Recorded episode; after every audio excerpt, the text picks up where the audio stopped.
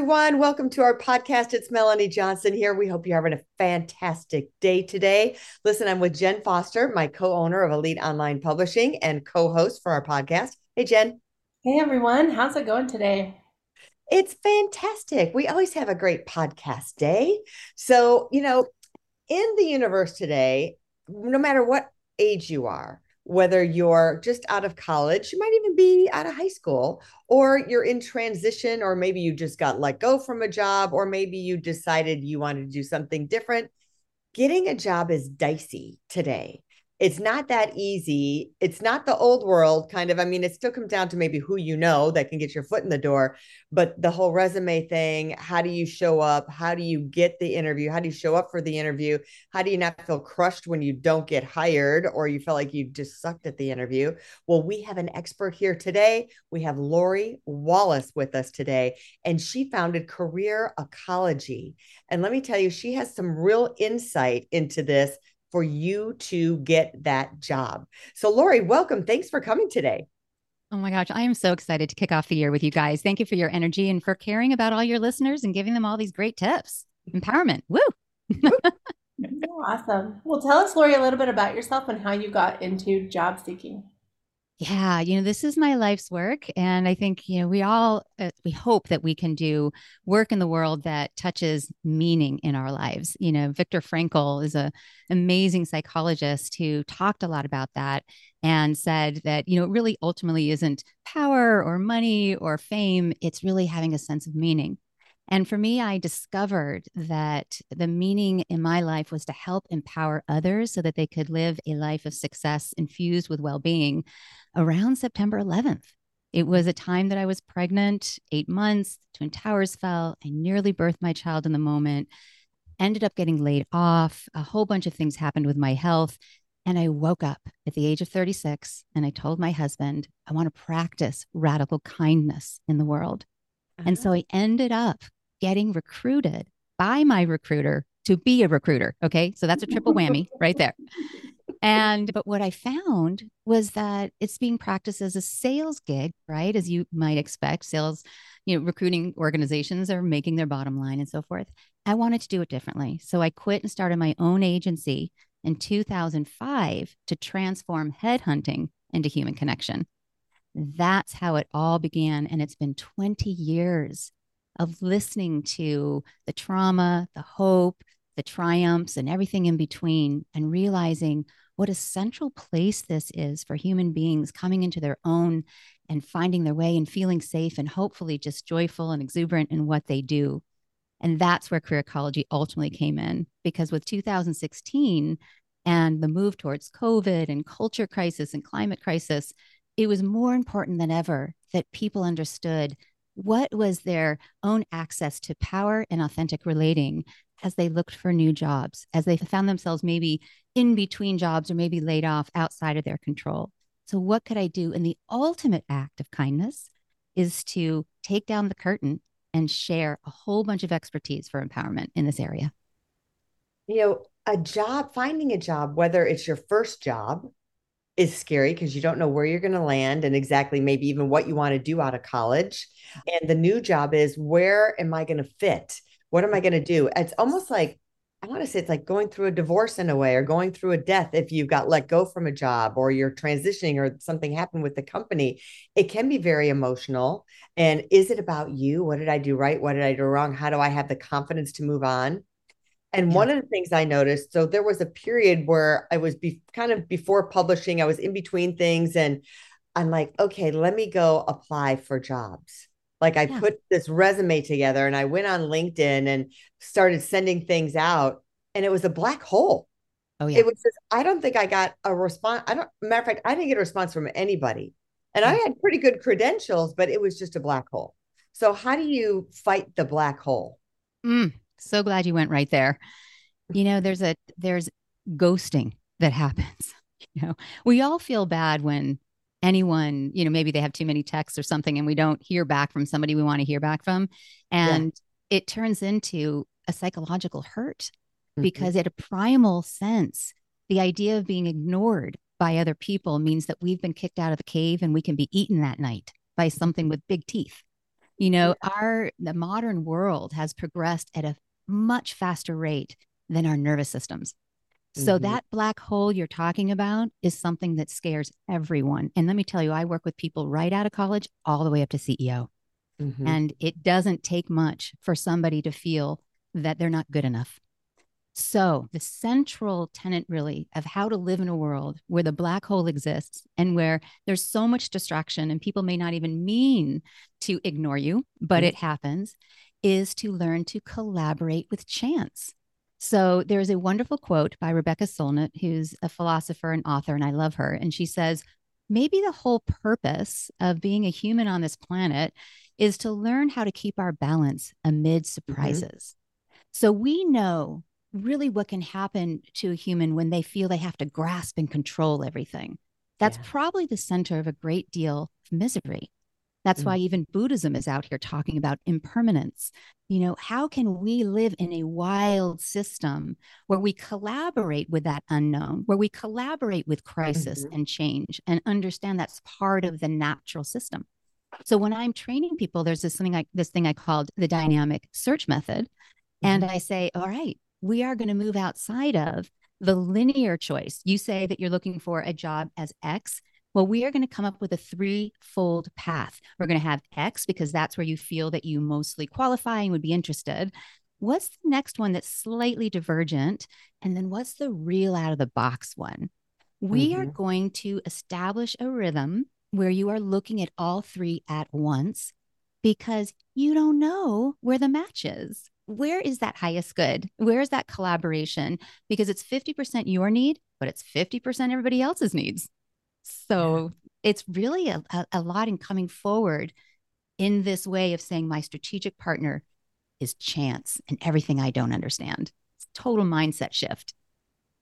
Hmm. I like that you put mindset into it because I know even just like you know some of my college students looking for careers like it's hard for them and they think they're like everyone's out to get them and there's not a job for them and but then you look around and it says everyone's hiring so it's really like it's that black hole so yeah. having that mindset like you're just talking about really i think sh- makes a shift mm-hmm. and i think if they don't have that mindset and they're just thinking you know black hole then that's just what they're going to get back and they're going to end up even cutting off their own power of attraction when you get sucked into that black hole and you start to listen to the ego messages that no one loves you, you're not good enough, or you're too young, too old, too this, too that, then suddenly now that vibrational energy, even in an interview or in between interviews, starts to shut down.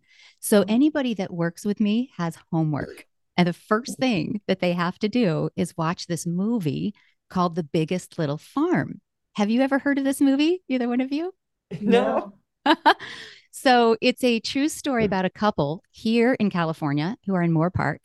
And they decided to start a farm and they decided not to monocrop. You know how monocropping is like, we're just going to go almonds and we're going to go ahead yeah. and, you know, own that market. They started a biodynamic farm. And that's something that Rudolf Steiner started, you know, 50, 60, 70 years ago, whatever it was. And it's the idea of humans collaborating with the wild. How can we learn from the brilliance of 4.5 billion years of successful evolution? What does it mean to actually lean into diversity and cooperation?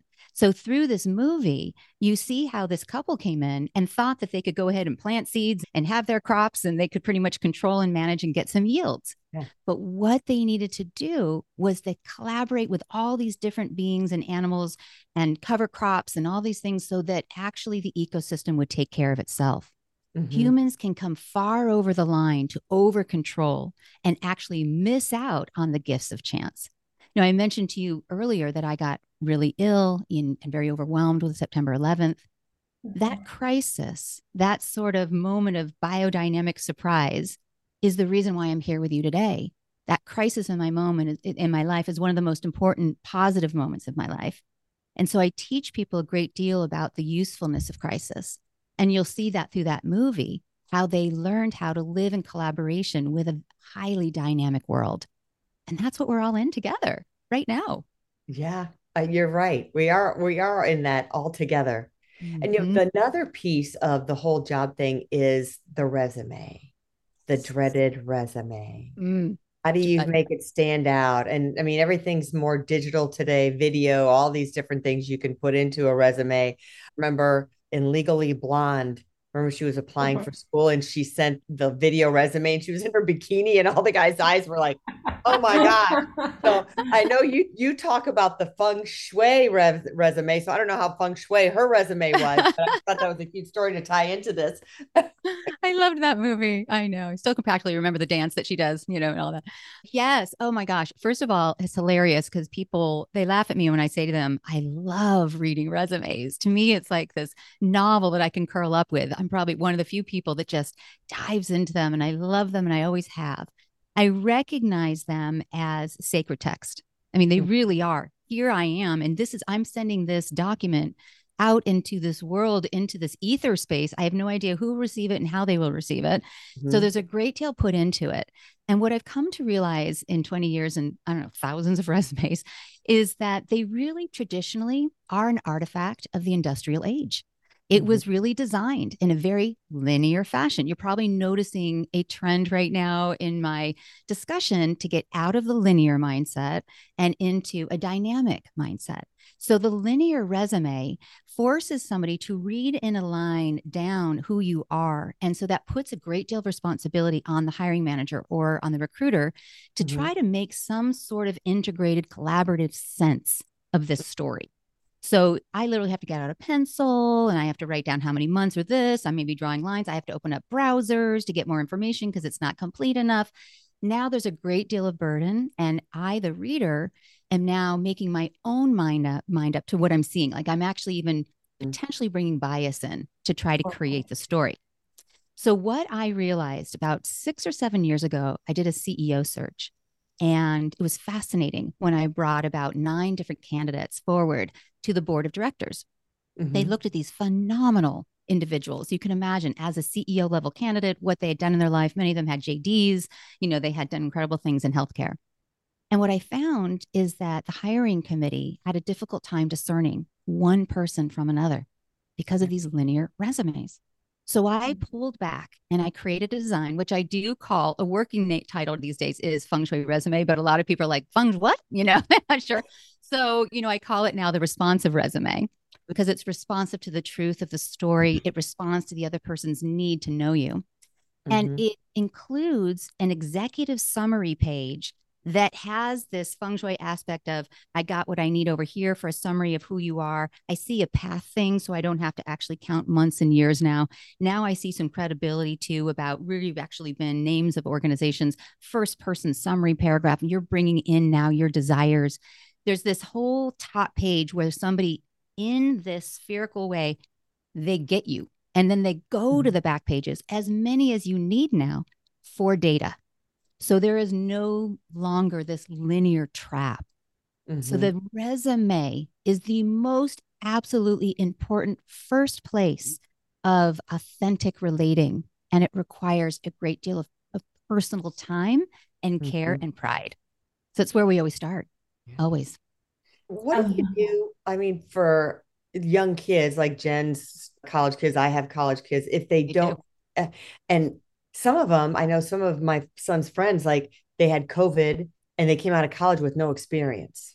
Oh, yeah. So, my, yeah, my son too. So, what do you do? You don't have much to put on your resume. So, how do you make a resume where you don't have a lot of meaningful experience or maybe no experience to get that job? Yeah, that's a tough one. My son's 22 and he's a senior in college. So he missed his senior year in high school because of COVID, missed his freshman year. He's kind he's coming through that as well. The jobs that he has on his resume are, you know, working at the Y right now, you know, and just these and he hasn't really been able to find the internship even though things are opening up. But mm-hmm. no matter what, COVID or not, there's still always just this sense of like the new person what you know, my work is I'm a receptionist or, you know, I work at a grocery store. How am I, how do I leverage that? So I have examples that people who come through the career ecology masterclass, they can see examples of various students. And the key there is to share that you have been doing work, or if you couldn't even get in and do just like the receptionist job or the Y job, that mm-hmm. hopefully though you've gotten some guidance that there's an opportunity for you to go to events for you to volunteer for you to mm-hmm. even just care to take an extra course because of xyz maybe you even decided to join the swing dancing club because you understood that social engagement is important for any sort of community so there's this taking your story down all the levels to meaning again mm-hmm. so what is it that you did and why? And what did you garner out of that? Mm-hmm. So when people come through Career Ecology, we have live office hours and these kind of questions come up, or a mother who's been out of work for 10 years and there's a all sorts mm-hmm. of sense. And so that's the beauty of this is you get to realize my life is my curriculum. You know, it's like everything that's happened is a ring around the trunk of me in a sense. Mm-hmm. And each experience lends towards the strength and the value that I bring. And so we get to go ahead and reflect back and pull out the nuggets. And mm-hmm. even the person in college or coming out of high school, not going to college. Mm-hmm. It could even be something that I'm the oldest sibling and I made dinner every day for my younger siblings. There's ah. so much of so much meaning that we can draw. I love that you do the, yeah, well, and the executive summary sounds really similar to when we help authors write their author bios with our publishing company because the, a lot of people think their author bio should start with, you know, where they were born and, you know, how long they've worked in their career. But no, that's not what we want to start with, right? So I like right. how your executive summary, though, paints the picture and tells the story without that linear, like, like you were saying like you know you can you could say oh i make dinner but that's different or i know how i have a you know, um, food handler's permit or something, but that doesn't yeah. mean the same as what you were just describing, you know, yeah. or the skills that if someone is do does D and D, right, like Dungeons and Dragons, they play the game every week or whatever. So you could dissect that and be like, okay, what are all the skills that happen when you go there, right? Besides, yes. you know, the, the credibility, responsibility, the leadership, or whatever role they are in their in their game. So there's so many different things you can pull out of things you do in your life. 100%. I love that you put it that way because, you know, in that executive summary sheet, there's that left column where somebody says, I, I need you to know what's special about me, what I've gained, who I am. In the linear format, there's no room for that. Uh-uh, so, yeah. you know, what you're saying with your bio is we say, this is our story. You know, here you are, elite publishing. So it's like we have stories to tell. It's our job to shape mm-hmm. that for you. It's our job to spark your imagination. And so, interestingly, when people come through me, this is another interesting thing about resumes is that they have to do their own and they are guide asynchron- asynchronously, whatever. Okay. we understand what you're saying. Yeah. Async- in an async way yeah. They are guided and then they come into you know the live trainings and things but i am really taking them beyond their egos down into this place of first coming back into relationship with just what they've done and then raising it up into some sort of beautiful story and so they have to do it themselves. I had one gentleman who just finished, it took him four months. That's a lot longer than many, yeah. but he admitted, he said it was the hardest thing he'd ever done because I turned the reflection and the gaze back and he had to have a conversation with himself and to be patient with that. He had to work on it and let it sit. You know how sometimes yeah. the greatest editor is the drawer, mm-hmm. you know, leave it aside and then come back in a week and you go, oh, that's okay. Let me go add and let me shift, let me change. So it took him that much time to come back into relationship with himself. There is an enormous barrier. And that's why most people outsource their resume. And that's somebody else with their limited understanding of you or whatever type of resumes they generally write. Now they mm. have captured and controlled your story. It's not coming from your working soul. So. I do bring people through. It's resume yoga. Yeah, it really is. All right. So let's say I'm looking for a job. Give me LinkedIn tips. What should I be doing? Are there any mm. ninja tips for LinkedIn? Oh, definitely. So, you know, I pay something like $8,000 a year to have the back end recruiter aspect of that. So, because, you know, as a recruiter, I am looking, because my other part of my work too is day to day with my clients, healthcare clients. And so I am looking for people through LinkedIn and this back dashboard. We will do a search and, you know, I can get 1,200 people come up with that particular search. And as a recruiter, we're very overwhelmed and very busy. So we're looking on down and just kind of initially seeing without having to click anything, if possible, who we want to move over to the project. So, the number one thing I want to say there's so much about LinkedIn to optimize, but number one is that subtitle that's below your name. Make sure that for whoever might be looking for you, they could be looking in this sort of mass way, you know, as recruiters do in mm-hmm. these sort of search dynamics, is that they have what they need to see. So, you know, I work with healthcare. So if I'm looking for a director of inpatient pharmacy, and maybe I want to know as well that they work within a, a nonprofit healthcare system and something like that, then I will be very I will be very gratified to see that inpatient pharmacy director, comma, nonprofit healthcare system. And maybe even there they'll say 20 plus years or something. I get a lot of what I need right then and there. Mm-hmm. That is the number one most important thing.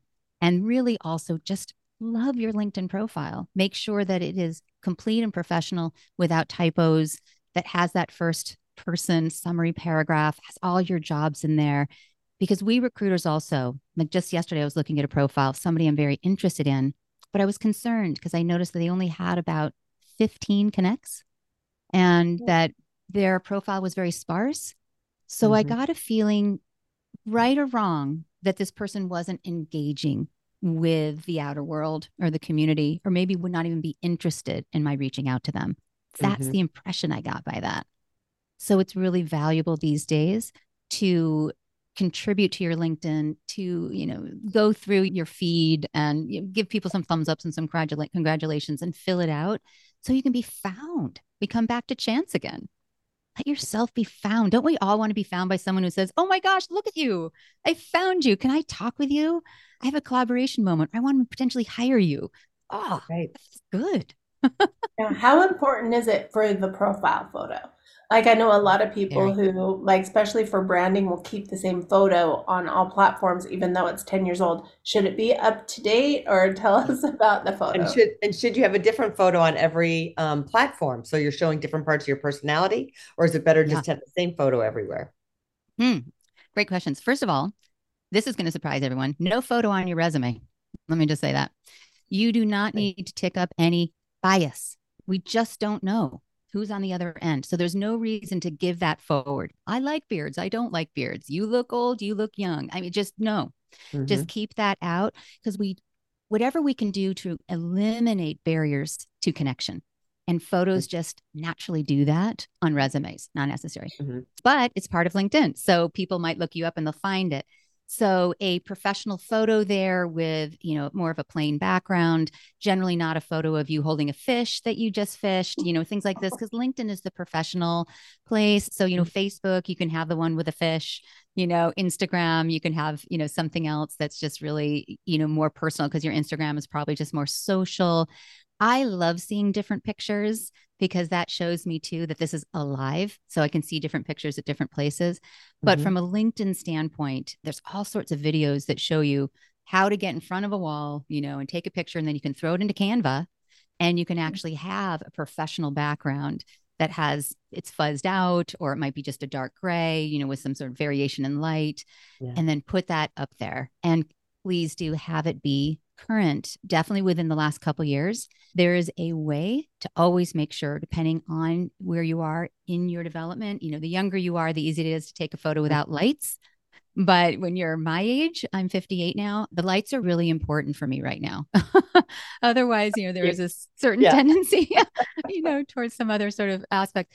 So that's just the gift. Put a light on there and let people see the light of your smile and your eyes have it be a beautiful current photo. Every couple years, get a photo done. You know, very important. My hair's going gray. I mean, it's just in a year, I'm going to have a different photo. It's going to be fabulous. I'm very silver. we'll That's a whole other conversation. Yes, or not to go gray. That's the question. yeah. Well, I learned a bunch. Tell us where um, we can find you at Lori.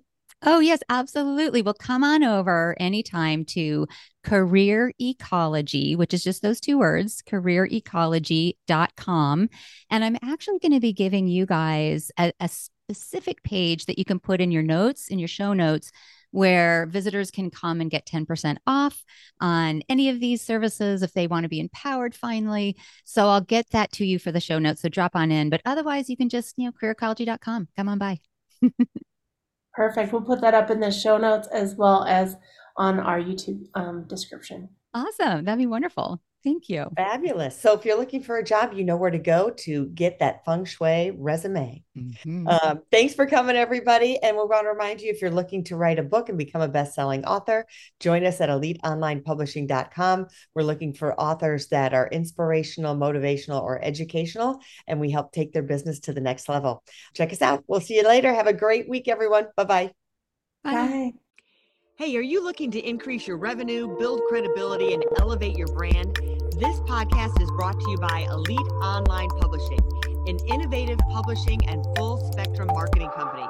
They will publish and market your book to make it a number one bestseller. Becoming an author is the best way to market your business.